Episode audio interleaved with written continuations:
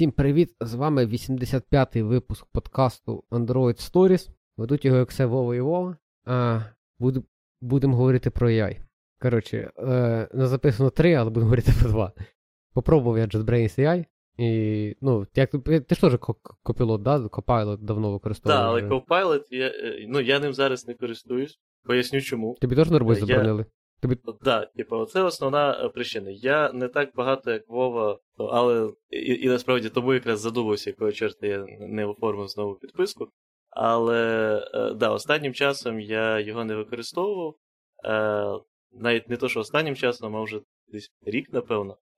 З вражень тих, які були рік назад, у мене про Copilot були змішані, наскільки я пам'ятаю, тому що часто він мені тоді пропонував херню.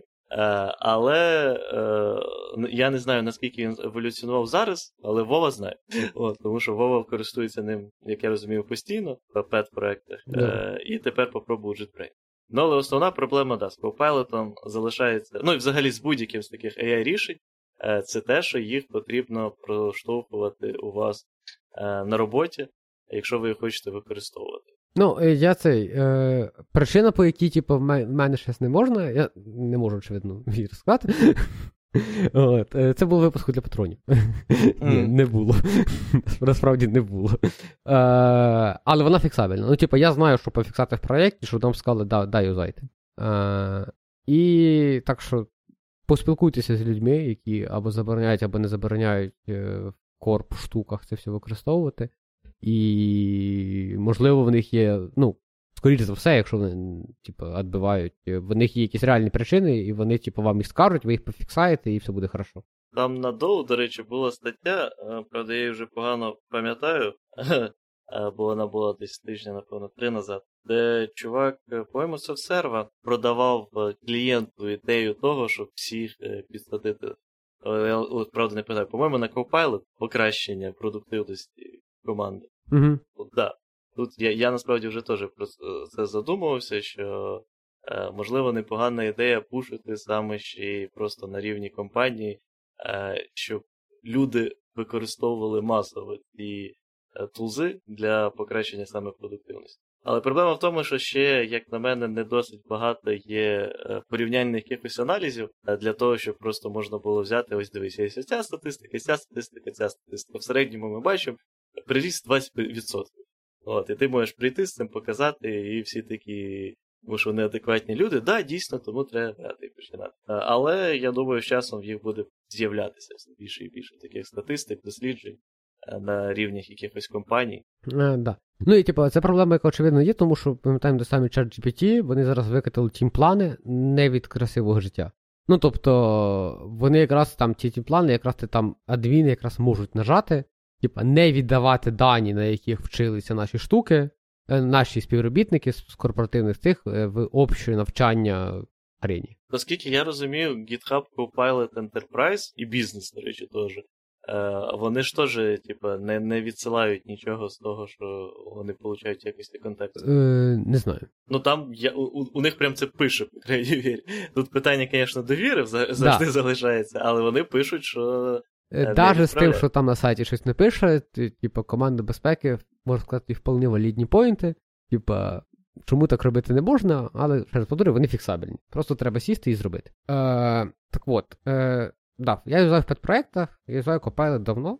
Copilot я на попередньому місці роботи юзав і не в пет-проєктах. От. Але про це ми казати не будемо. Так, а що вже? Цієї компанії вже не існує. Ну, по суті, так. Е, цей самий. Е, я десь пару тижнів тому. Е, я ж це патреони чули, що я пишу. Я ж почав писати на C. Тому що що не раз? Мені раз то в цьому житті не вистачає. Тому Блін, що... Мені здається, вивчити раз і написати щось на ньому буває часто швидше, ніж просто написати щось на C, якщо ти його вже трохи знаєш. Е, Можливо. Я мене не ну, тобто, чому я брав C?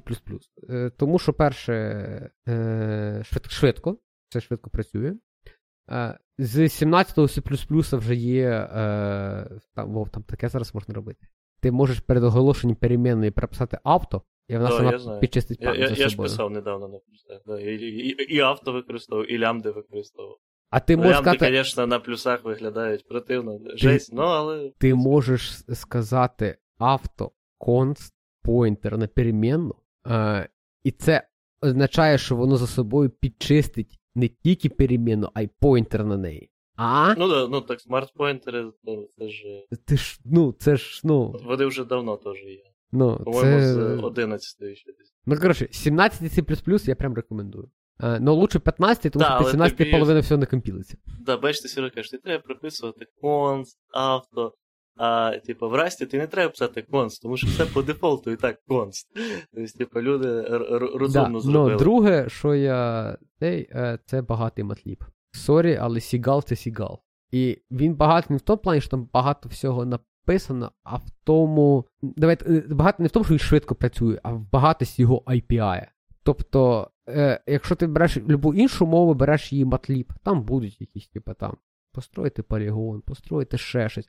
Але в C++ це буде построїти полігон по тій моїй невидимій херні, і тобі не треба перед тим якось перерозбивати. Там цукру багато, як, як би це не звучало. Ну, В Python математичні бібліотеки. Python повільніше срака. Ні, ну Python повільно. Ну, е, Ну, просто якщо повільний вовк, це то, що, то, що в мене в плюсах е, писалося на, е, ну, типу, виконується за секунди, в Python за такі самі цифри, але хвилини. Е, ні. Наскільки ж я пам'ятаю з Python, я цим ніколи не користувався, але. е, Да, він можеш компілюється в цей да. C++, але коли. Але, ну, коротше, е, всі, да. Але він там не, не все до кінця може, і він все одно робить цю ін, інтерпретабельність. І він ж коли всі перетворюються, то там же все, блядь, обджект. Понімаєш ідею? Ні, так чекай. І тоді вже я, тебе я і сі повільний. Ну, тобто. Ну, коротше. Ні, ні, ні, так в C, в C, чого воно все перетворюється в об'єкт? Ну, воно просто. А, да. Ну, коротше, да. Ну там, типа, каже, це все не хотів я це. Я пробував брати C бібліотеки і брати PyBind. Е, і там навіть хтось написав вже рапор над Сігалом для Python, але воно все таке таке складне. Коротше, від того я вже як розказував, я перекопиряв просто фігалярд проєктів, всі їхні форки, і знайшов рішення на Java, яке мене устроїло, і поверх на Kotlin ваяю, підняв на Кторі вже бекенд, ну коротше, пішов таким шляхом. І відносно швидко. Не C++, але терпимо. Ну і плюс, очевидно, через той ж перший інструмент, який я знаю, набагато краще, ніж інші. Друге, запакувати щось в докер, хуйокер, оце всі діла. Ну, коротше, воно, воно нормально їде. можливо, можливо, прозвучить дуже дивно, Да. але а чому в цьому випадку тобі взагалі не похер на швидкість? Е, тому що коли калькуляція, яку я хочу робити на UI, займає хвилину. Ну, не, не хочу робити на UI в плані на UI треді, а хочу, ну, типу, от юзер там наклікав якийсь там, типу, нестінг і нажав, типу, download файл. Ну, блін, чекати хвилину. Ну, тобто, типу, яка різниця е, виходить в часі між е, рішення просто по-тупому на Python Порядок. написати, звичайно. Порядок. Е, Ну, тобто, 6 секунд і 60 секунд. 6 секунд і 6 хвилин. Порядок це 6 секунд і 60 А, ну, да, ну окей, ну, типа. Ну, Тоді дв- дв- два порядки. Ну, коротше, да, ну ладно, ну, два порядки я перегнув, але да, ну, типа, 6 секунд і 60 секунд, да, це як здрасті віддавай.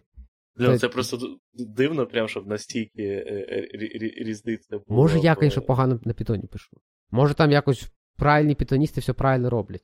Ти не забув забрати thread sleep на 5 минут? Ні. Ну ладно. Тоді ваші варіанти все, да? Да, Мої знання. Типа, я розумію, що в Python навіть нема thread sleep, але на мої знання на Python Ну. JavaScript швидше, ніж Python.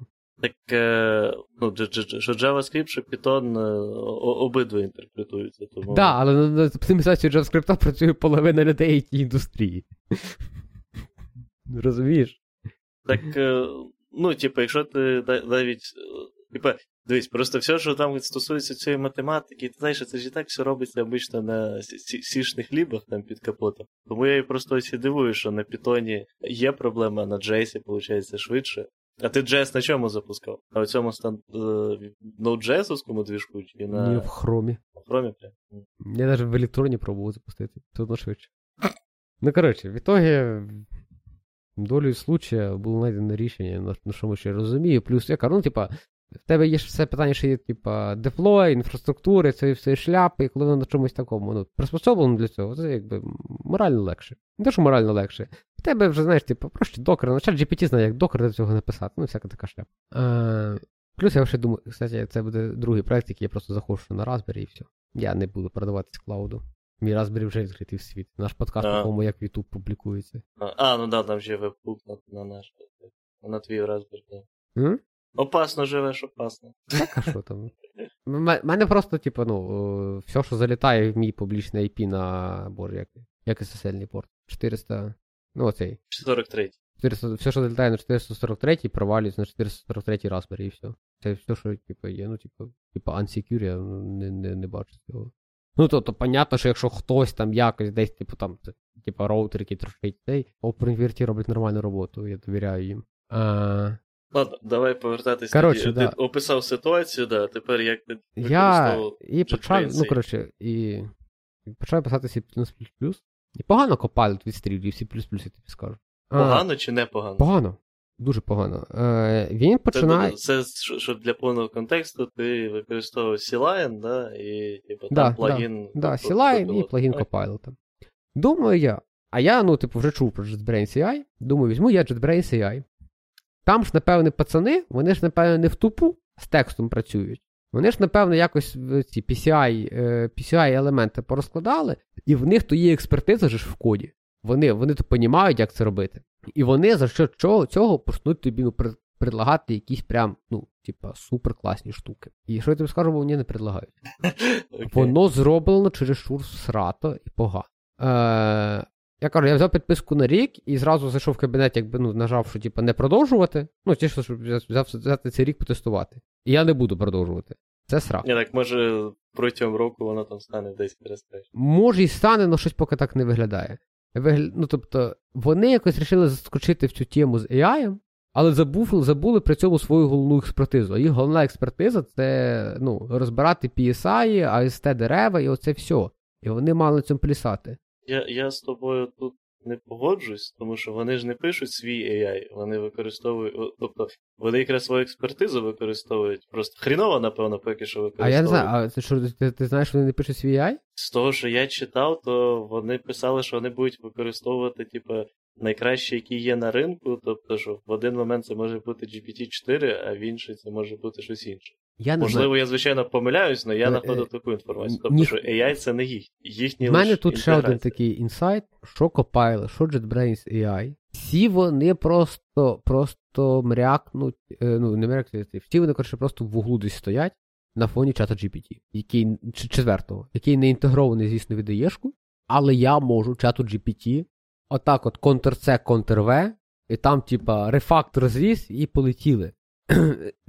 JetBrains AI явно не чат GPT використовує, тому що, ну, я не знаю, типу, він, типа, коли ти йому кажеш, типа, відрефактори цей код, е, він там щось рефакторить, і він тобі, знаєш, модно, як типа, git показує цей, е, типа, що, що куди передвинулось. І перше, я вибираю там два методи. Нажимаю прям екшен їхній рефактор зі код. Якогось дива div починається на весь файл, і десь починається вверху мінятись форматування. І воно мені це показує як нові ченджі. І я сижу і думаю, вашу мать, ну, типу, да, у вас є AI, ну ви, типу, не можете, типу, своїм всім умом вкуритися, що це форматування друге. Ну, що це, типу, не є реальний дів для мене.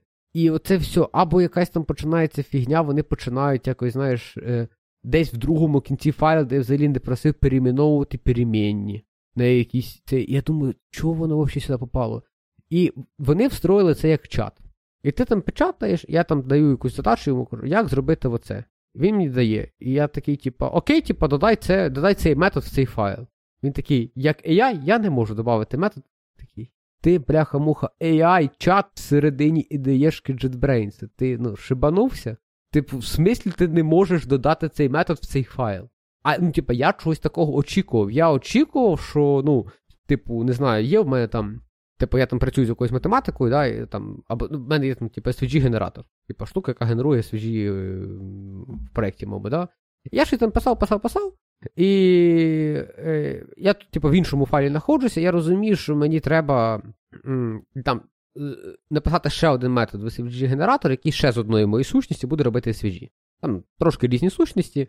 Е, Я прям тут йому, типу, в чаті цьому пишу, типу копіюю цю сущність, е, цю, цей дата-клас котліновський, кидаю йому, кажу, напиши мені SVG-генератор е, до цього дерьма. А там по перемінах, якби понятно, який SVG-генератор має бути.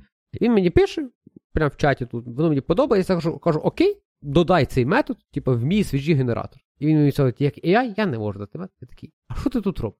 Ну, типу, я розумію, чому це не може зробити ChatGPT, бо він в браузері, в іншому environment, оце от все.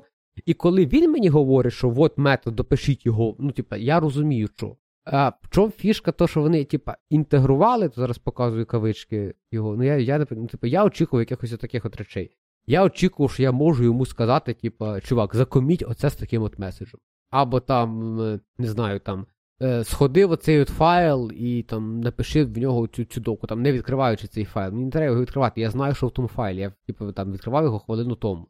От. Е, Або там, ну знаєте. Виділи там... оцю папочку в окремий модуль. Да, да, да. Тобто, ну, якісь от такі от речі. В них є прикольно, що мені сподобалось, в них є прям AI Action е, перевести на іншу мову. Але це через те, що джетбрейновські інструменти, вони це ж тобі не VS Code і не OVIM, який, типа, як ти його настроїш, ти мовою він і вміє. А через те, що в них оце все якби в різних цих це тіряє смисл. Ну тому що він тобі тут перевівся там з Kotlin в Go, і фіглі тобі з того Go коду, якщо навіть підстити його нормально не, не може. Ну що мене добило, це то, що JetBrains AI е, генерує методи з синтактичними помилками, які я вставляю. Ну, з їхнього чату копіюю сам файл. Воно підсвічує красним, я нажимаю Alt-Enter, воно само все фіксить. І знаєш, мені це нагадує цей от камбек, коли тільки почала програмувати в універі, ці от е, Qt або там інші C++ компілятори, такі, типа, не вистачає точки зап'ятой в кінці рядка номер 138. Так постав, постав, блядь, якщо тобі не вистачає. Ну, мене все устраювало. Ну, ти знаєш рядок, знаєш, що не вистачає точки. Постав. Чого воно не ставиться зазвичай через те, що воно не впевнене, ти точно. Помилка саме в тому, що там нема точки з зап'ятою. Чи може ти щось інше хотів би там ще зробити і провтикав. В цьому плані я не, не зовсім погоджуюсь, що це вони би мали самі проставляти. Але в випадку з AI, якщо AI викидує інтегрований Ні, ну, від Давай AI так, ти біжиш, коли ти пишеш Java код е, на е, цей, в IntelliJ. Ну, ти ж очікуєш, він точку зап'ятої сам поставить. Ти печатаєш, uh, там, типу, не знаю, там string str равно new string, і воно тобі напечатає new string, дужки відкриваються, дужки закриваються, крапка з комою. Поставить, коли ти вже на новий рядок переходиш. Ну окей, або там по Enter, воно не суть. Ну да, але це. це... Ага, тобто ти маєш на увазі не на рівні компіляції поставити, да, а на да. рівні. Ну, типу, тобто, раніше це було чим обосновано? Раніше це було основно тим, що ти поставив бляхамуха всі Борланді, який, ну, там не про user experience думали. Це не продукт, який там продавав user experience. Ну ви ж, ну, типу, і і ладно, типу, і, я перший висновок, який я зробив, такий, ну, C++ ніхто не вміє працювати. Сам лідер, типу, чат GPT ще мені плюс-мінус міняє, показував, теж там з помилками, але розумієш, коли чат GPT робить помилку в якомусь синтаксичному цьому. Ну, видно, от, наприклад, любителів, коли в C++ йдуть ці знаки менше, які, типу, перенаправлені стріма, uh він любить їх три напечатати. Ну, До речі, я користувався був не так давно е, чатом GPT, причому третім, е, для, ну, 3.5, і, е, для того, щоб генерувати C код. Е, Типу, там, понятне діло, самі юзкейси були не супер складні, але тим не менше, там є генерував код, який з тредами працює, наприклад, в C++. Е, тобто, все ж не не, не нульова комплексіті, назвемо це mm-hmm.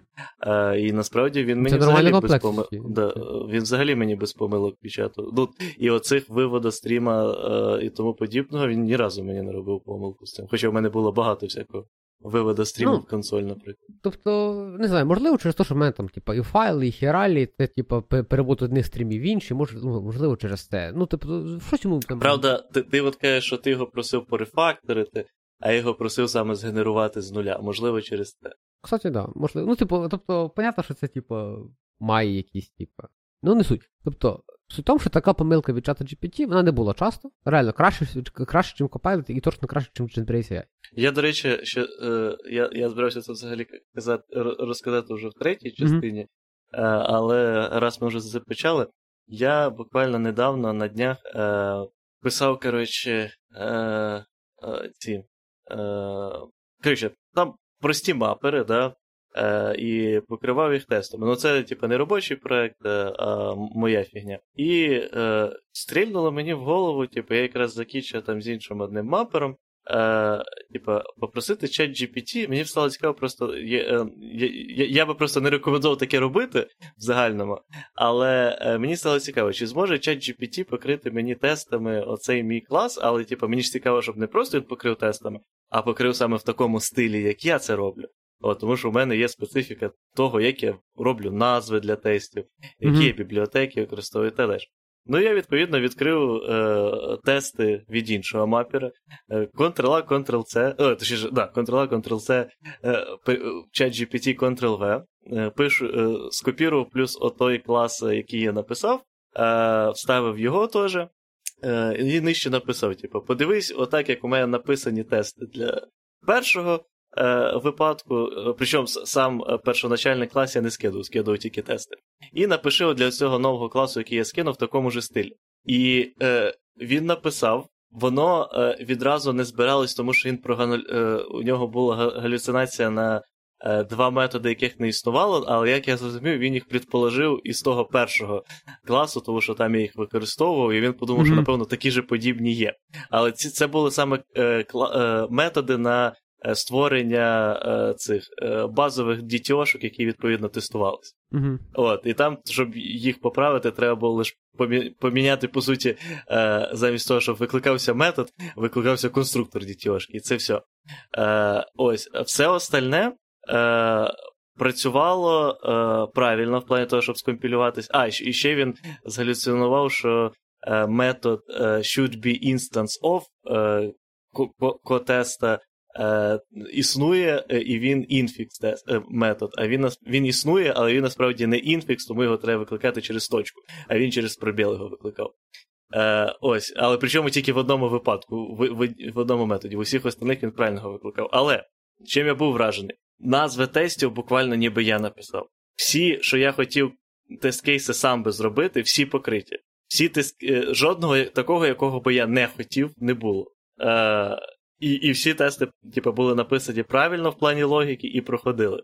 І кажу, з ідеальними назвами в плані того, що саме так би я їх і назвав. Е, в цьому моменті я трохи підохірів е, від якості, як да. мені. Мене, кстати, якщо ми порівнюємо GPT з Copilot, е, я ж пам'ятаю про це точно розказувати технічним не я розказував тут, в якийсь момент мені треба було в факторі прийняти набір параметрів по квері. Ну, тобто, mm-hmm. коли в квері можна погнути масив. Я не міг знайти в документації, як це. Я спитав свій чат GPT, він мені дав відповідь. Я такий, блін, дивно, що я в цього документі не бачу. Ну, типу, я об'єктивно читав документацію. Я в документації там цього нема. Я думаю, запущу цей код, подивлюсь, що вже яка буде помилка, відносно буде. Запускаю, все працює. Uh-huh. Я поліз сектора, там це є, просто не задокументовано. Uh-huh. Тобто, це прям мене вразило. Тобто, то, що чат GPT от е, в цей момент, ну, отак от таке вміє, це прям до речі, ще я би сказав, що в таких випадках, якщо цікаво просто, звідки він це взяв, можна попробувати ще задати те ж саме запитання в Бінгу, тому що Бінг тобі ще дає посилання, звідки він взяв таку інформацію. Mm. Можливо, що Бінг би навіть тобі дав, типу, де таке написано. Mm, ну, я зараз трохи не купаю, це було дуже давно, але так, да, це ще, по-моєму, був GPT-3. Е, но в цілому, да. Коротше, е, Тут якби підтверджую думку, яку мені здається, Юра Федоренко донатолкав на доу. Да, пам'ятаю його, що, типу, вихід нової, типа, нової, типа, знаєш, там, е, великої моделі генеративного штучного інтелекту, е, все порівнюється з GPT 3.5, або говорить, що вони от-от будуть такі класні, як GPT 3.5, що говорить про стан цього ринку. Ну, тобто, е, з GPT 4 себе ніхто порівнювати не хоче. Ну да. І це прям, типу, говорить про ну, як все влаштовано. Е, Да, коротше, е, мене подрастроїв JetBrains AI. Ну, типу, вони мали краще використовувати експертизу. Це просто, ну, типу, от, знаєш, я дивився багато. Е, це я як Арестович. Е, я не коментую, я коментую того, хто коментує. Е, Я слухав Waveform, подкаст Маркуса Браунлі, який mm-hmm. теж чуть ли не кинув в YouTube, як зараз модно. Тобто, чуть, вони чуть не кинули Ютуб. Ну, у нього вийшов відос, типу, що, типу, так з таким тайтлом, не який був title, але суть в тому, що. Типу, я теж, мол, ліваю з канала. Ну це ж тренд зараз пішов. А, ти маєш на увазі, що Маркес останнє відео, яке він був випустив, да. про те, що всі тікають да, з Ютубу. Да, да, да, да, Ти дивився?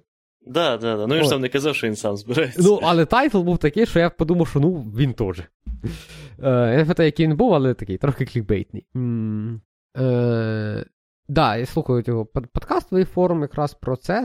Е, і там дуже багато компаній е, дістали великий рулон скотчу в складовки і примотали AI до своїх продуктів. Е, От мені здається, вже JetBrains зробили те саме. Типу, вони просто не могли стояти в стороні через те, що VS Code е, і оці всі поджимають. Мені здається, що навіть NeoVim поджимає, тому що я людина, яка доволі довго в системі JetBrains знає, за що платить за цей продукт, і я подивляюсь на NeoVim. Ну мені ще здається, що їх е, Copilot якраз теж вжимає, тому що вони не хочуть, щоб. Е, через Copilot став... переходили. Ні, не то, щоб переходили, а щоб навіть. Ну, типу, перехід це одна проблема, а інша проблема, що вони не хочуть втрачати е, оцю можливість Типа, стати по, кусок жирного ринку? Да, да, да, щоб Copilot не став дефолтним рішенням навіть з їхніми продуктами. Да, ма, ма, Вони щось без, швидко наклепали і маємо бету JetBrains AI. Ну, коротше, я. Ну, типу, очевидно, ну, типу, я не думаю, що багато людей його купить на рік, хоча б так, як я. Тому що він просто якийсь мене замахав цим своїм, типу, фрі, не фрі. Е, я його юзав і в VDH, і в Сілайні, і в Голенді. Ну, коротше, тут всьому цьому дерьмі. А, І в якийсь момент він такий в тебе ліміти, в тебе то, ти що то там почнеш придумувати, такий, так, давайте на рік скупимо, подивимося, що ви собі уявляєте. І ну, я не рекомендую.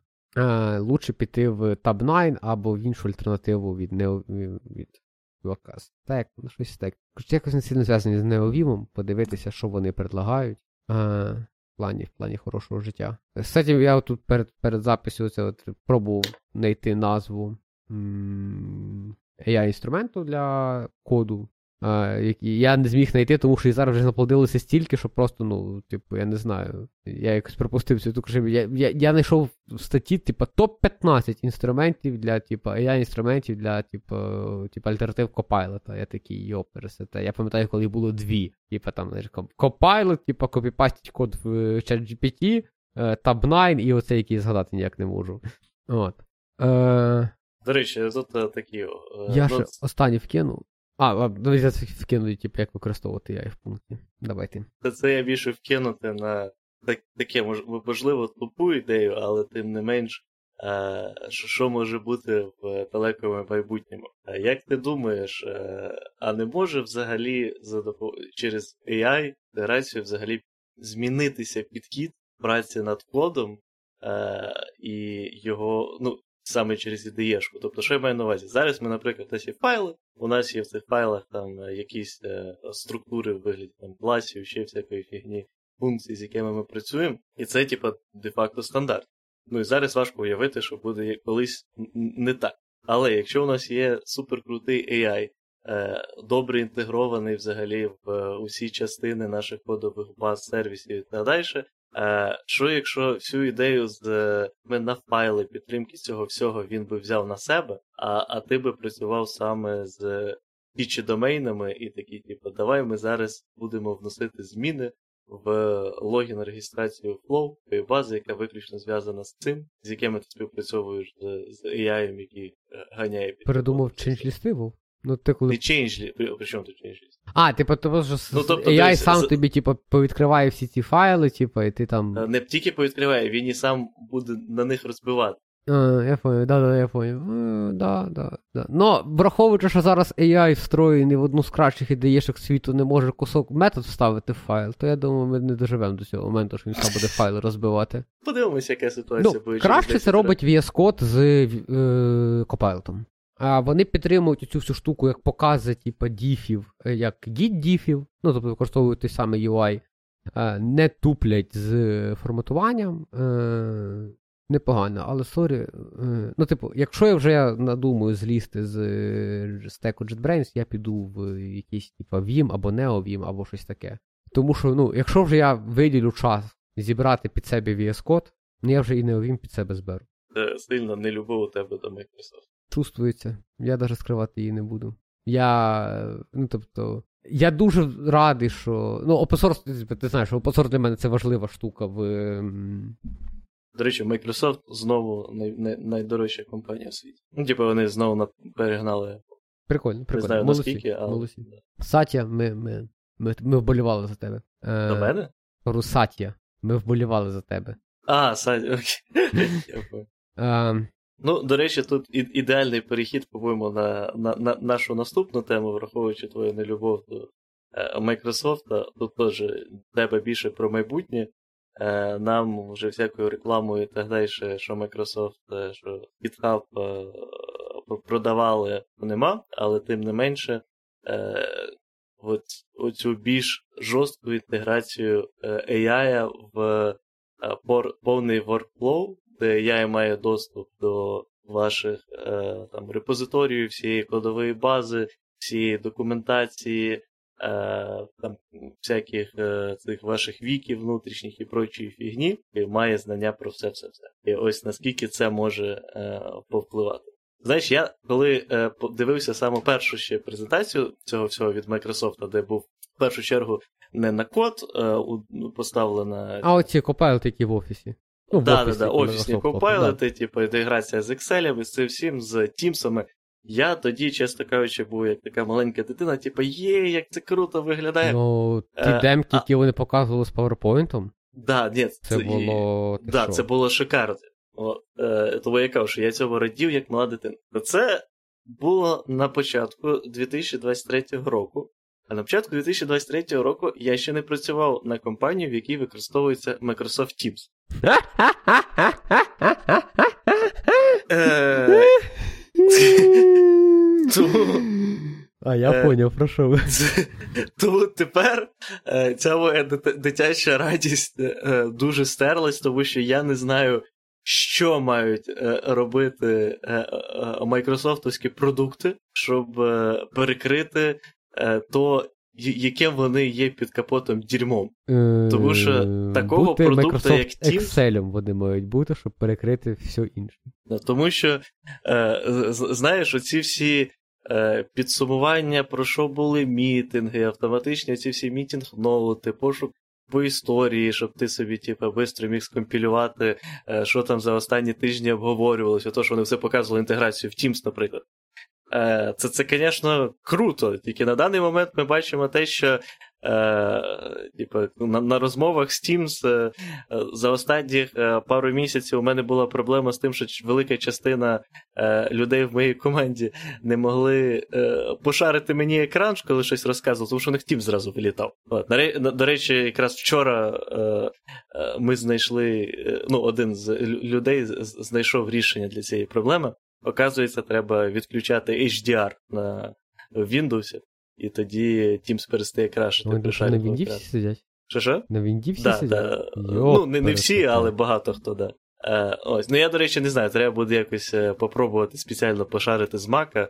Е, е, з, з... Ти там теж на Вінді сидиш? Що, що? Ні, я, я на маці, але типу, я маю підключити свій Mac до мого HDR монітора А, і розшарити, типу, звідти екран, чи будуть проблеми, чи не будуть.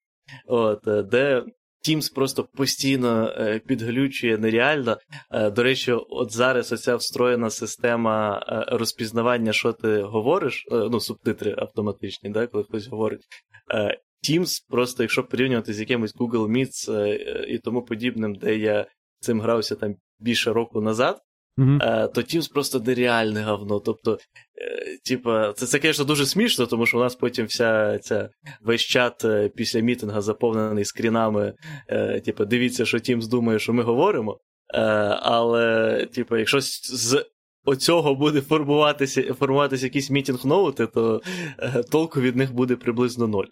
Ні, я розумію, звісно, що там українська, російська це пова- важче Тімсу, напевно, чим англійська, але все одно е, рівень якості на даний момент просто жахливий. Е, да. Е, ну і, коротше, не знаю. Е, Microsoft не просто так фанг не включили. Люди щось знали. Тепер, е, тепер уже е, не фанг, а Ну, зараз, типа, MAANG, але оцей чувак, MAANG, який да, придумав не FAANG. Е, да. Ні, там ж цей оцей чувак, типу, який FAANG придумав, він е, зараз якусь нову ідею пробує толкати, але зараз на його думку вже всім посрать. Е, MAMAA. Ну, коротше, він викинув Netflix і додав Microsoft. Там, виходить, Meta, Apple, Amazon, Microsoft, Alphabet. Во, отак якось там. Ну, я, я я, погоджуюся справді з тим, що Netflix треба нахер викинути, тому що Netflix, е, ну, це на даний момент. Типа, мені здається, вже останніх років 4 це просто нічим не цікава компанія. Mm, да, там все ще великі зарплати, але це нічим не цікава компанія. Uh... Типа, що для кого робить Netflix? Да, да. Ну, тобто, ну, ні, вони, типа, ну, все ще це... там мають систему дистриб'юції, вони все ще багато вкладаються в Gradle, а, да, але да, согласен. Але, типу, Netflix даже... компанія зараз уже з натяжкою. Да, ну, вона постсучасна. Мені здається, вона ніколи і не була фангом в тому, що ми розуміємо фанг. Ну, тобто, е, в моєму розумінні ці компанії, які фанг, да, це якісь такі метрики, як з розряду, типа, там, ми все пишемо своє. Очевидно, що в Фейсбука е, написано якийсь свій, свій рапор поверх Гугла, поверх Гіта, як в Гугла є репо поверх гіта. Тому що sorry, але дефолтний інструментарій гіта, якщо в тебе тільки Android, це 600 репозиторіїв, трошки не підходить. О, тобто, очевидно, що якщо ти будеш користуватися GitLab або GitHub, без історії, без можливості. Ну, тобто, я коли от е, розбирався з Android AOSP, е, Android Open Source Program, да? і Продукт. Я ковиря... Project, хорошо. Я ковирявся в репо публічному гугловому, який, ну, очевидно, вміє або стільки саме, як внутрішній, або менше. Тобто, очевидно, mm-hmm. що внутрішній або такий самий, або більш багатий. Ну і коли ти дивишся pull request, і ти можеш клікнути в браузері на любу строчку кода, і там буде вся історія цієї строчки, всі коміти, які її задівали, там останні, да? От, І можеш там по них пройтися, зразу, типу, подивитись, як це мінялося.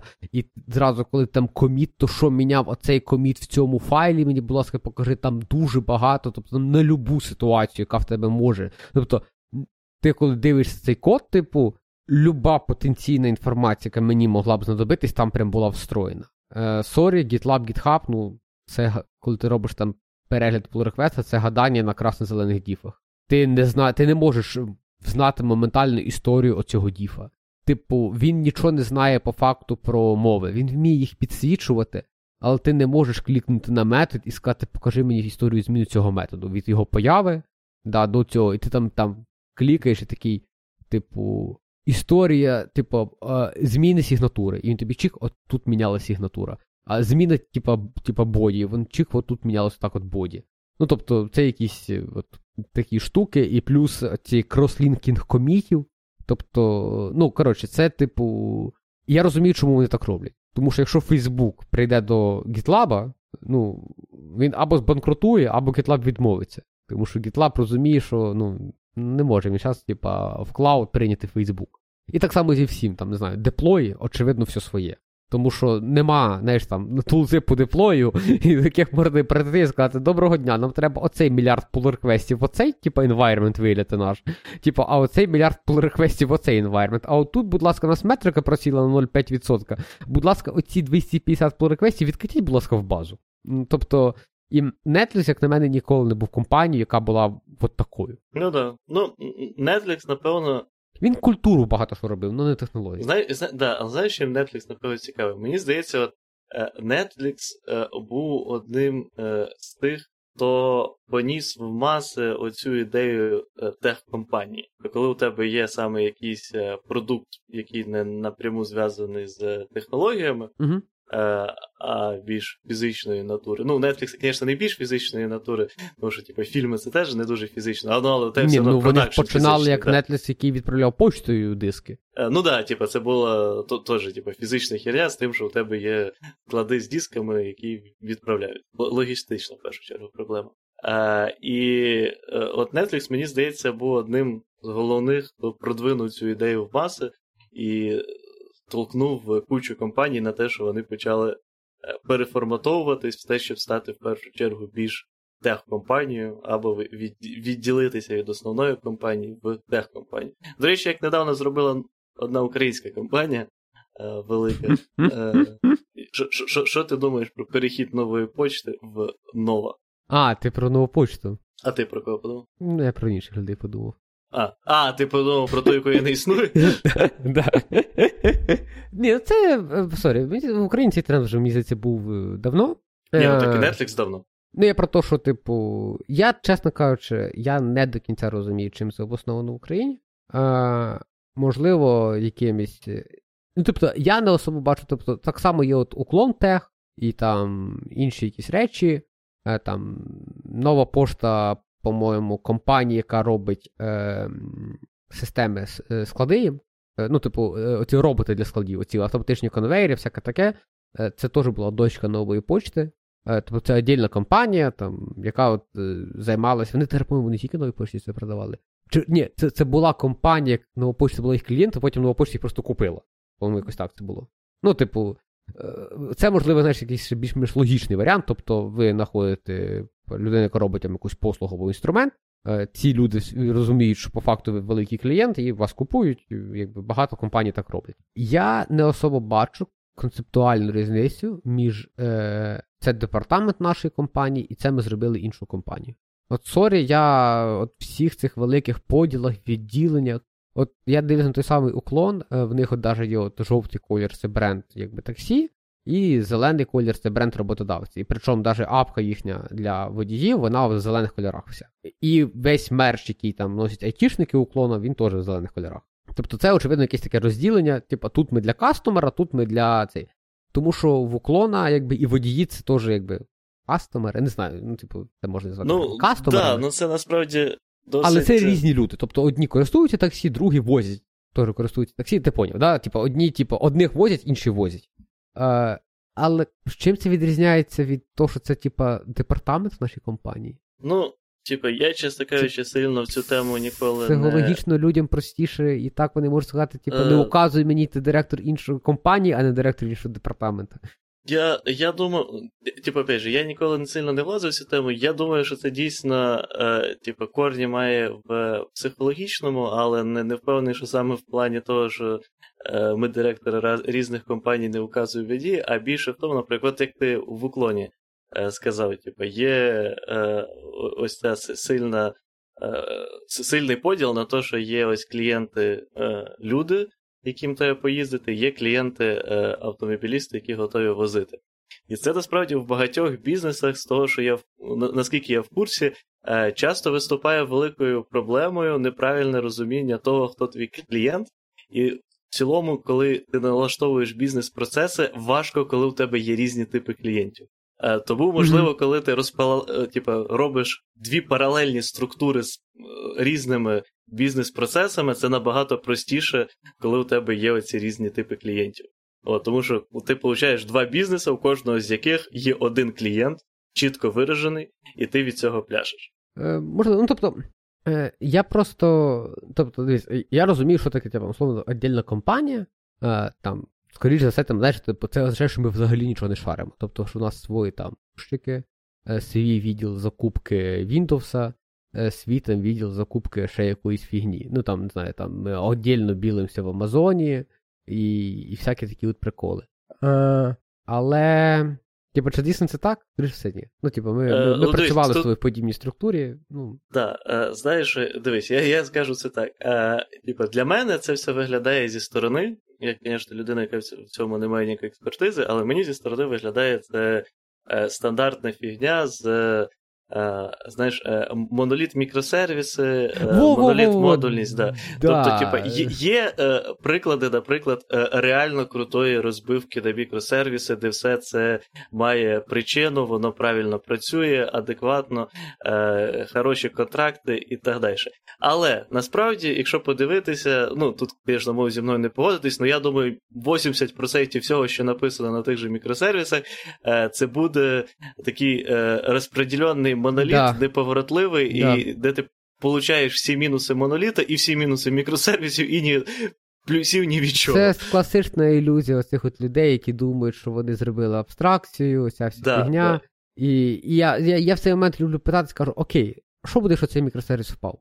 Типа, як інші, оце, типа, вони такі, ну, ну не почекають, я кажу так. Ну, І мені сподобається. І, як, і ще й в кожного мікросервіса рівно одна штука. Да, да, да, типа, Е, два правила, люди. Два правила. Перше, саме тупе. Е, Кількість клієнтів має бути більшою, ніж кількість мікросервісів. Правило хороше. Це перше. Я себе так все спиняю, знаєш, коли в мене там є, я зараз пишу цей MVP свої херні, все все вкупі. Хоча в мене є віддільно процесінг. І по, по логіці, мав би, ну, типу, якби там по всіх тих, але ну нахер. Воно крутилось ну, в одній віртуальній машині. Я, чесно кажучи, не особо розумію, на що я в MixDrinks взяв dedicated базу даних. Ну, типу, я міг все поставити в SQLite, в віртуалці і і в душі. Я пишу зараз, е, ну, типу, мені треба якийсь типу, сторож даних на моєму цьому міні-стартапі. Ну, я завів JSON файл. І записав до нього репозиторій в коді, де просто все засинхронізував через тем. І працює. Ну, поки. Можливо, потім поламається. Ну, ну тоді це... перероб. Так, да, ну. Е, До чого це я? Е, Коротше, да, перше, да. Кількість мікросервісів менше, е, менше, ніж кількість кастомерів. Це це важливо. Е, Друге, дуже багато є бізнесів, і це, кстати, я не питаю, чи це я напряму спілкувався з CTO, чи це хтось мені переказував.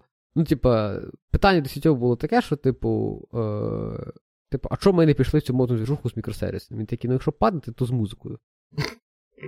Він каже, ну хер з того, що в нас щось там буде не працювати, да? Якщо, ну, типу, щось інше не ну, типу, знаєш, все працює так вкупі. Ну, треба, щоб якщо впали, щоб всі були на стрьомі, а не, ну, це не наш мікросервіс впав. От. І. Да. Коротше, і це, це, ти, ти получаєш стільки неявної зв'язаності. Ну, я не знаю. Ну, от я думаю, що да, з, з компаніями часто та сама херня. Тобто є ті, які е, показали себе ефективно в плані використання от такої методології з розділеннями на різні е, підкомпанії. Е, і, типу, люди подивились на це, і такі, типу, а, ось в чому секрет.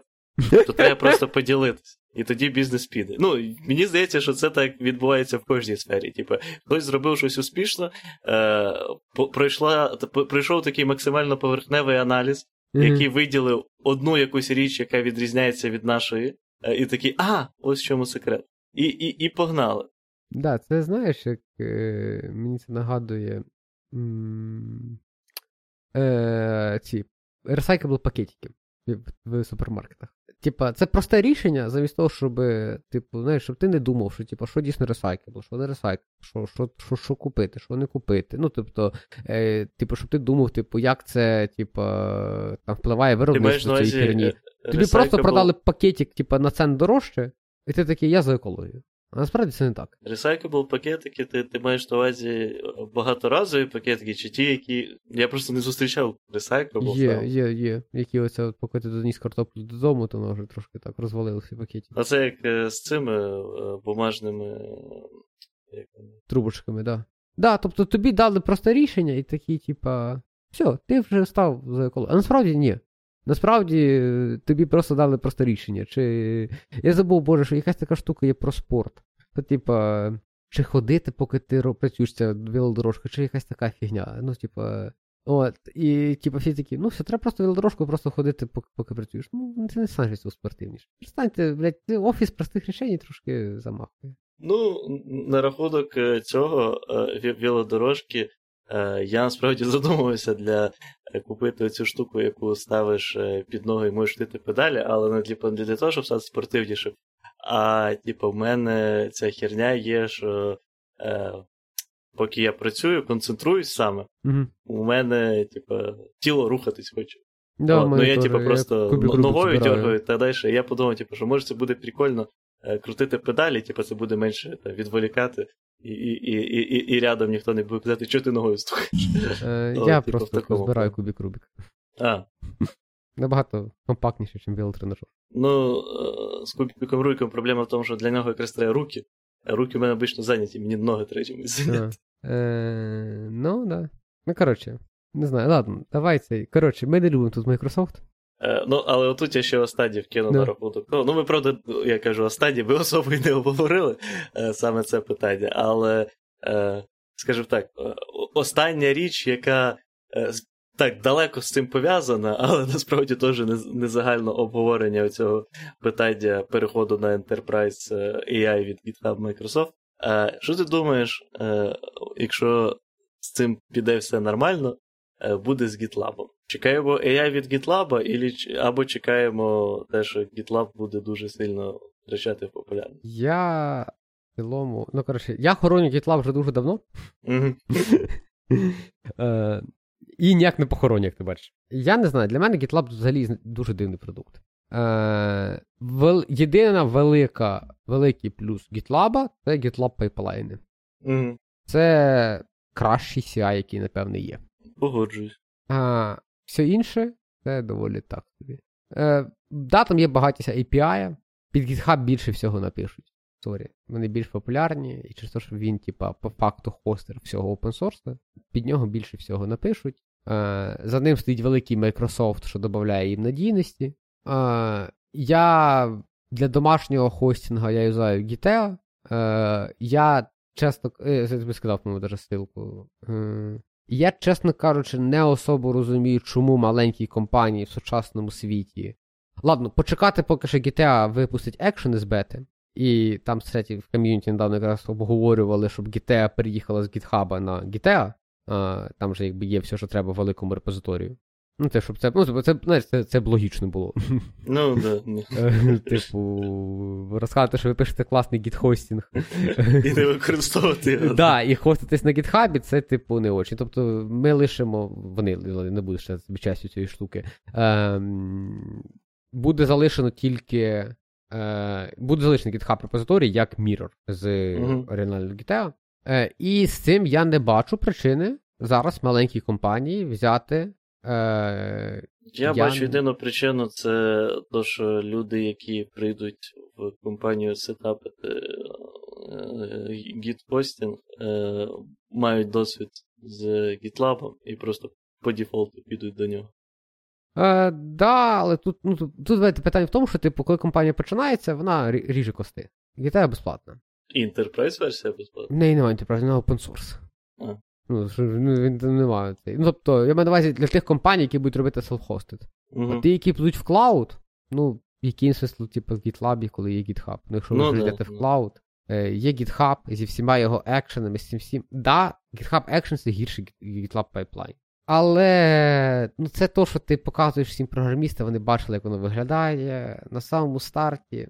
Ну, тобто, якщо компанію починають з нуля, і там нема, типу, CTO, який от скаже, що типу, пацани, ну нам треба GitLab пайплайни, е, нам треба їхні Docker Registry, оце все, то, що не дають все з коробки, це буде окей. А, ну ладно, Registry ще. GitLab серйозно Registry. Але з тим, як Amazon викатив своє, і, а більшість цього всього в цьому світі хоститься в Амазоні, і всі інші, типу, Microsoft Azure і Google, по-моєму, тільки немає. Microsoft Azure має свої реєстрі, Amazon має свої реєстрі. Якщо ви якісь хіпстери, типу мене, йдете Digital Ocean, там теж є свої реєстрі. Смисл, типу, тримати реєстрі біля коду, коли його можна тримати прямо в клауд провайдера. Тому що якщо впаде цей cloud provider, ну вже похер і, і на продакшн, і на реєстрі. Ну, типу, від того, що у вас реєстрі живе, а продакшн лежить, ну вам не холодно, ні жарко. Сорси Ну, от сорси ви тримаєте віддільно, тому що ви можете там продовжувати роботу. Угу. Ну і. Коротше, GitLab не привикай. Е, ну, в цілому, я кажу, я просто вже настільки довго хороню, що вже певне пора перестати його хоронити, бо ну, типу, смислу Ну тут немає. Е, треба буде подивитися. В них, видимо, є якийсь свій ринок, і вони, видимо, вміють продавати. І я би не взяв GitLab. Мене харить, що 25 релізів підряд виходить оновлення нового дизайну і не пофікшений пошук. Зато появилася, сука, нова аналітика по комітах. Ну, йоп твою мать. Ну і як її використовують. Ну, тобто, тут ну, два варіанти. Або там продукти ідіоти, ну, вроді би вони ще не збанкрутіли, значить це неправда. От. Ну, або це комусь дійсно треба. Я кажу, ну, типу, в момент, коли є, типу, open-source рішення, яке, ну, от, виходить з бети екшенси, registry, ну, всі вже вроді би привикли тримати в клауд провайдерів.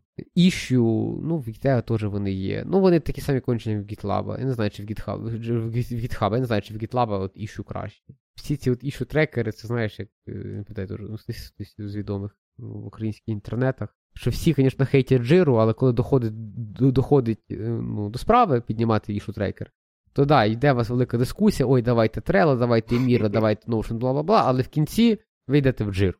А ти що думаєш про GitLab? У мене приблизно співпадають з тобою думки. Тобто я в GitLab, крім CI, особи не бачу нічого цікавого, враховуючи те, що я не чую від GitLab якихось ну, таких масивних планів давати щось, що не дають конкуренти в майбутньому, і навіть у планів продавати те, що клі... конкуренти збираються давати в майбутньому вигляді цього ж AI. Ну і типу GitLab нема просто ресурсів, щоб такого зробити, по суті, навіть. Е, то я, чесно кажучи, не не, не бачу. Ну і тепер ти ж то ж ти мені відкрив очі на гітея, що вона є е, безкоштовно в плані такої мінімальної версії. Я, чесно кажучи, не не, не бачу майбутнього особи е, у GitLab надалі. Ну, коротше так, був хороший продукт, робили правильні люди. Може, неправильно, не знаю. Я пам'ятаю, там якась команда, частина команди з України була. Ну. В Україні відкрилась нова компанія. Ти про цих, які, блядь, в офіс Білорусі мають? А, ну, я, да, ти про Ракутен. Да, да, да. Ти там один з основних коментаторів, це Сережа Бішер. Хор, хор, хороша людина, дуже я з ним працював довгий час. От якраз е, на моїй першій роботі він був людина, яка читала лекції по ТДД. Ну, і як ми бачимо по коментарях, і як людина хороша. Е, да, HR, звісно, у них повний дебіл. А що HR зробив? Ну, там вона це ж відповіді HR компанії Сережі Бішер в коментарях, що вони не прив'язують не себе до жодного політичного ага. уряду. Ні, я відповідь не бачу. Ну там є там багато дивних відповідей, але мені запиталася ця фраза. Ну, типу, там всі відповіді от в цьому в цьому каноні. Типу, ну, я, чесно кажучи, взагалі здивався від рішення Ракутета відкривати офіс зараз в Україні. Я ж, ну, типу, я ж, типу, ладно, вони, типу, десь там, типу, сидять, я не питаю, з якої країни, типу, це, це в них де. Ракутен, е, Японія. А, ну от. Ну тобто. Ну, білоруси у них вже є тільки через те, що вони Viber купили. А Viber це білорусько-ізраїльський проект спочатку. А, да? Да. А я ще думав, що вони його і писали. Ні, sorry, в мене вже до цієї новості Viber було таке повне враження, що Viber пишеться в Індії. Я не знаю, Ні, в Індії він просто супер популярний. А А так, Viber е, цей писали, чу, і, і, коротше, е, чувак, який е, Ізраїль. Коротше, він з ізраїльським і білоруським громадянством. Ну, відповідно, ага. відкрив офіс в Білорусі і другий офіс в Ізраїлі. А потім вже там, не знаю, 2014, 15, 16 рік щось таке. Ракутен е, їх викупив. Ну, офіси ті ж самі і залишились. А так, Ракутен це ж в першу чергу, а, типу, японський Амазон. Наскільки ага. я знаю. Да. Я, я не знав цього всього. Ну, Просто короче. у них в основному азіатський ринок.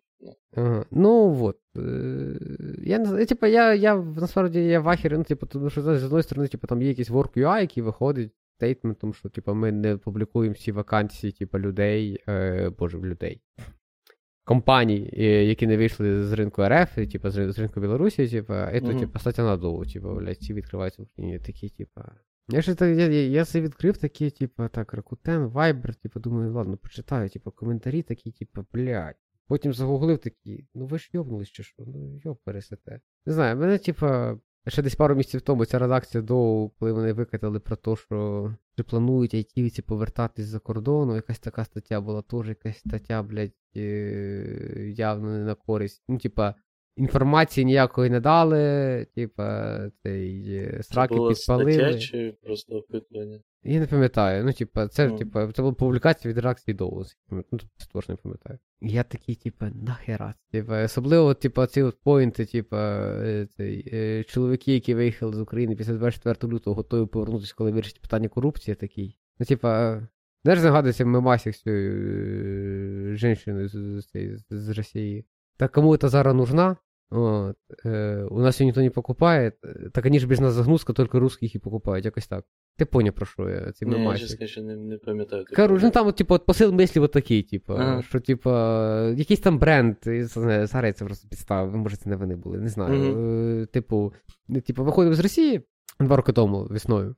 От, І там, типу, чи інтерв'ю, чи якесь якоїсь, типу, женщини. Типа на вулиці. Да, да, да, да, да, всі всі, ну, типу, охерені, типу, отзиви людей. От. Mm-hmm. І там, типу, цей, типу, так, типу, ніхто ж там, типу, нічого не купляв, типу, взагалі не знаю, що вони тут робили. Типу, так вони ж без нас загнуться, тільки ми їх купляли. Ну, да. І це, типу, жінка я, я згадав, в одному реченні. Mm-hmm. Ну, от і, типу, от, от це от мені дуже сильно нагадало.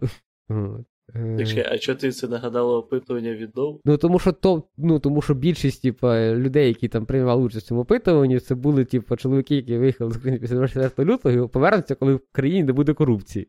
Ну це такий а, самий а, польот після 24 да, все, все, да, все, да. да. Я цей момент пропустив. Що Я я такий, типа, ну чи коли там там прям закрили кордони, я пам'ятаю, що ну, там не зранку було. Ну, типа, окей, ну, типа, хорошо, після 25-го. Ну, типу, ти поняв. Ну, да, да. От, е, Я такий, типу, а, ну все логічно. Так і запишемо. Це мені нагадало цю цю леді. Е, е, да, Ладно, так, що в нас тут? Да, Давай ще цей швиденько, як використовувати AI. Давай по одному прикладу. У мене просто тільки один є зараз в голові. Давай. Ну, про про тести ви вже говорили. Е, ну, Хоча насправді я не рекомендую якраз тести писати AI, тому що мені здається, тести це якраз то, на чому треба подумати проти. Хочеш, які результати і тому подібне. То цей процес якраз. Я фігачу копайлотом тесту на раз-два, мені все подобається. Просто їх перечитую після того а ти хірячиш йому напиши тести на всі кейси, чи ти пишеш йому кейси, які ти хочеш протестувати? Ні, я пишу. Ну, я я пишу, типу, назву методів, і він по назві методів вже фігарить. Ну, дивіться, в мене. А, ну ти, я але нормаль... ти один, метод зараз, а не. Да, типу, да. Да. Я, В мене в голові не поміщається фронт на кілька методів. Mm-hmm. Е, Я в основному пишу тести, ну, в проєкті, які, типу, не робочі, це DTEC. Mm-hmm. Е, впав до 84. Але буде версія 2.0, бо там буде стільки всього. Я. Кстати, я можу тобі похвалитися, коротше, DTEC раніше ж було як. Там був, е, типа, така абстракція, був рул. Від рула наслідувався base rule, від base рула mm-hmm. наслідувалися вже імплементації рули, і також від рула наслідувався multiply rule, який то, що робив, запускав колекцію обичних рулів. І я десь рік тому десь потратив дві пари вихідних, я випиляв повністю multiply rule. Mm-hmm. Е, Потім я випиляв, е, і це да, десь місяць тому я випиляв рул, і вже оказалось, що рул, типу, який був самим самим високим абстрактним класом, це вже може бути інтерфейс, бо там ніхера нема. І оказується, вся імплементація, яка там була, вона була для оцих інших чайлдів, які я вже випиляв. Коротше, тепер в DTEC просто інтерфейс рул, і всі рули просто імплементують цей інтерфейс. Ніяких оцих от бляха-муха абстракцій, той тому child, той тому цей повипилювали всякі ці вени, ізи, інстанс офи, оце все, коротше, це все просто в топку пішло. І тепер просто рул, імплементація, все. Красота? Да, ну, коротше, це важко було, але. І зараз я оце переписав, я ще випиляв два рівні абстракції з конфігуратора. Як ти розумієш, я нічого нового проєкту не привношу, тільки переписую, то що написано. Ем, ти покращуєш його майбутню підтримку. Да. Е, І коротше, да. І я, там там, там більше всього пишу по ДДД. Е, mm. І я просто, да, я просто печатаю йому, типа, тест-кейси. Прошу згенерити мені методи. Ну, типа, тестові. Mm. Е, він деколи тіряється, тому що у нас два фреймворки для тестування, тому що ми ще не переїхали з кінця на нову. Е, І він пробує. Ну, типа, він розуміє, що якийсь контекст генерить по-старому. От. А деколи, коли я в старому в старому тест-сюті, який ще не переписаний на новий, мені треба згенерити по-старому, він такий, я ж твій чувак, я тебе поняв. Ви ж тут так не пишете. І ні, чувак, ми ж тут так ще пишемо. Uh, але так, да, я генерю тести по одному, і мені дуже подобається. Ну, тобто, деколи я просто замахуюсь. Ну, типу, якщо там мене з першого мого коментаря він не поняв, що я від нього хочу, то я просто коментар нафіг сам пишу все руками. Uh, для мене більше кілерфіча, то що він оце робить там автокомплішн по кілька строк. Ну, тобто, mm-hmm. я там така, якась колекція for each, і він такий зразу там чук-чук-чук-чук, перемінну завів, типу там. Або якщо я там роблю, не знаю, там, типа, там, знаєш, типа, uh, activated re, rule равно, і в мене десь там вверху є колекція rule, то він такий, типа, rule, filter, і типа, it is activated. Mm-hmm. От, от, Оце мені подобається. Це це прям красота. Тобто, це це супер сильно економить е, часу, як на мене. Не то, що він там прям великий кусок файлу тобі пише. От, от в цих мелочах весь прикол. Е, Окей, ну я скажу з того, що я е, на постоянку, найчастіше, коротше, поки що у мене є два юзкейси для використання AI в плані допомоги з якимись робочими і не дуже питаннями. Це Regix, е, це скрипти на те, щоб зробити якусь е, типу, невеличку роботу. Там, типу, рефактор в плані там переіменувати всякі хрені, випіляти там щось з історії і тому подібна річ. Mm-hmm. Е, Тобто тут е, дуже часто. По-перше, я почав, кстати, набагато частіше е, використовувати для вирішення якихось е, проблем, типу, не в плані комерційного коду, а теж, типу, допоміжних Regex. Е, тому що раніше часто я такий, типу, блін, я поки придумав, як це правильно сформувати. Я там різними форами швидше просто напишу. А зараз просто так, ChatGPT, треба Regex на ось таке. І, чесно кажучи, з мого досвіду 95% часу е, з першої спроби Regix виходить правильно. Навіть досить комплексний. Е, тобто, от, наприклад, недавно я. От подивишся відос, який я тобі скину, поймеш, що то був ніфіга не комплексний. Ні, ну, понятне діло, що цей, е, рівні комплексності є різні, але ось недавно, наприклад, єдине, що я парсив коротше, HTML. Я спочатку подумав, так, напевно, треба взяти якийсь е, лібу для парсінга, типу просто HTML і пройтись по цим е, з перевірками, а потім так, блін, так тут можна Regex по, по швидкому просто пробігтись. Mm-hmm. Е, ось, тому що форми одинакові. Е, і, типа, мені відповідно треба було спочатку Regex знайти одне, потім використати то друге, щоб е, додати, коротше, в новому Regex. Е, чуть-чуть змінено. І він мені згенерував повністю е, робочі варіанти. Лише другий варіант е, там були проблеми з лукбеком, тим, що він деколи був завеликий, і Java не вміє в нього. І тоді я його попросив типу, переписати його, і він переписав на більш оптимізований, і, типу, опять же, все заробило нормально. Оце, Тобто, навіть коли вибувають якісь невеличкі проблеми, зазвичай з другого разу він уже е, покращує ситуацію до близької до ідеальної. Е, Ну і да, і скриптики, опять же, там щось поперейменувати, щось е, е, там проапдейтити, якусь херню тому подібне.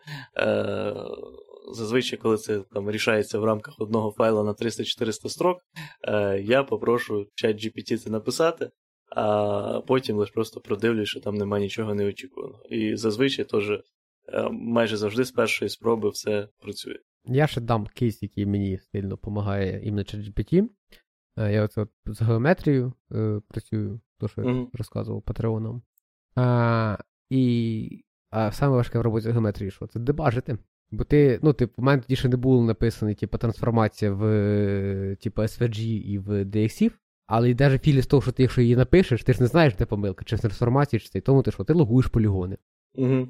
І як я раніше робив, я в лог писав свій Python-код. Угу. Ну, Тобто я лог виводив так, щоб я міг типу, скопіювати лог, вставити це як колекцію в Python, і там, типу, матплотом вже би виводив собі все, що треба. Але це не все зручно, бо знаєш, десь там треба ті кавички, десь ті кавички, а тут воно таке, а тут таке. І мені то в Python, то всі плюс-плюс. Ну, коротше, гемор. Я просто копіюю логи в всі логи, не, не, не парюсь форматування, всяким таким. В GPT кажу, намалюю графік. Uh-huh. І він сам переводить вже ці логи в Python, uh-huh. і метплотом компілює Python і виводить мені графік. Да, довго треба почекати. Але якщо тобі це одноразова акція, це швидше, ніж самому, типу, роздуплитися, як там в плюсах або в Java, написати кусок Python кода в е, логи, щоб скинути mm, в Python і матплотом вивести. І для мене це стало. І це, ну, типу, це один з прикладів, який я так швидко просто згадав. Для мене це стало ситуацією, яка. М- знаєш, такий типу, маленький асистент. Угу. Е, Не маленький джун, типу, якому ти можеш дати, типу, напиши то, напиши. А це, от, типу, така асистент в ширшому смислі цього слова. Ти можеш йому, типу. Тобто, я б міг сказати так само джуну сказати логи, але. ну, Тобто це такий помощничок. Угу. І ти такий, типу, от цей. І йому пофіг, що там все фігурна скобка. Він розуміє, що це, типу, полігон, що це точки, що це от і все, ну, прям красота. І плюс далі можна там пограти, сказати, посунь там третій полігон на 5 вліво. Да, він опять почне перегнерити, це не супер оптимально, але нормально, гарно. Плюс зразу можна сказати, розмалюй всі, да. Не треба підбирати кольори, типу, які явно будуть різні. Бо сам це все розуміє. І воно в таких от багатьох мілких штуках прям прям допомагає. Так, круто. Ну, я ще, до речі, згадав теж з такого невеликого і мілких речей це е, генерація е, моковської, моковських даних. Е, тобто часто. Do.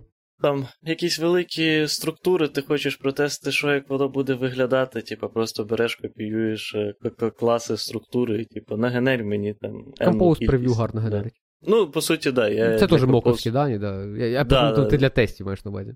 Ні, ні, я якраз в основному для композитських прев'ю. Mm-hmm. От просто, типа, ну, в прев'юшці я їх просто використовую, а типу провайдер, да. да. Чат GPT да. можна написати. А, Окей. Ладно, давай закруглятися. Дві з половиною години. Це такий mm-hmm. серйозний цей. І для мене це вже третій подкаст сьогодні. Тобто у тебе не дві з половиною, а там, не знаю, чотири, п'ять. Ну, ні, ні, ну, такий вимбер десь десь по годинці, напевно, кожен випуск, але да, ну, типу, це я сьогодні говорю 5 годин. Слава ті Богу, в майстерні був один. Добре. Просто спокійно стояв за верстатом. Так, все, всім пока. А, да, у нас стало більше патронів. Е, І це що означає? Це, да, давайте, е, інформативне, адміністративне. Е, Треба ще наступний випуск для патронів на початку це повторити. Ми успішно відмовилися від підписки Acast.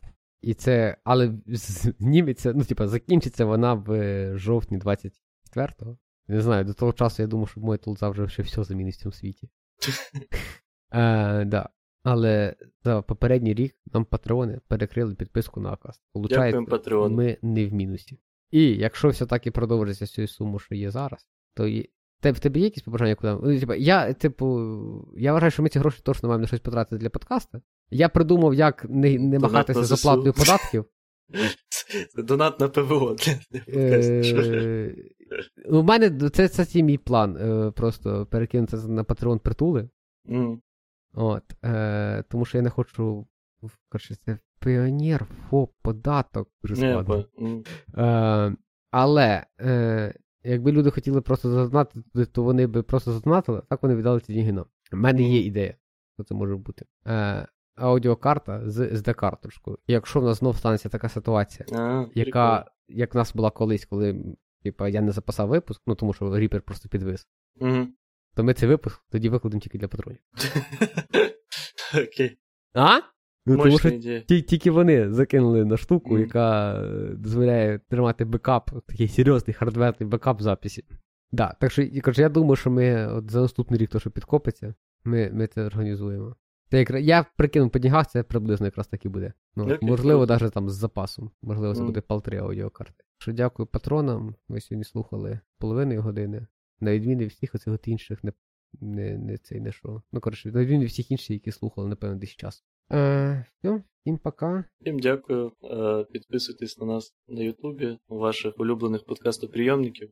Гарного всім дня, ранку, вечора, як у кого вийде.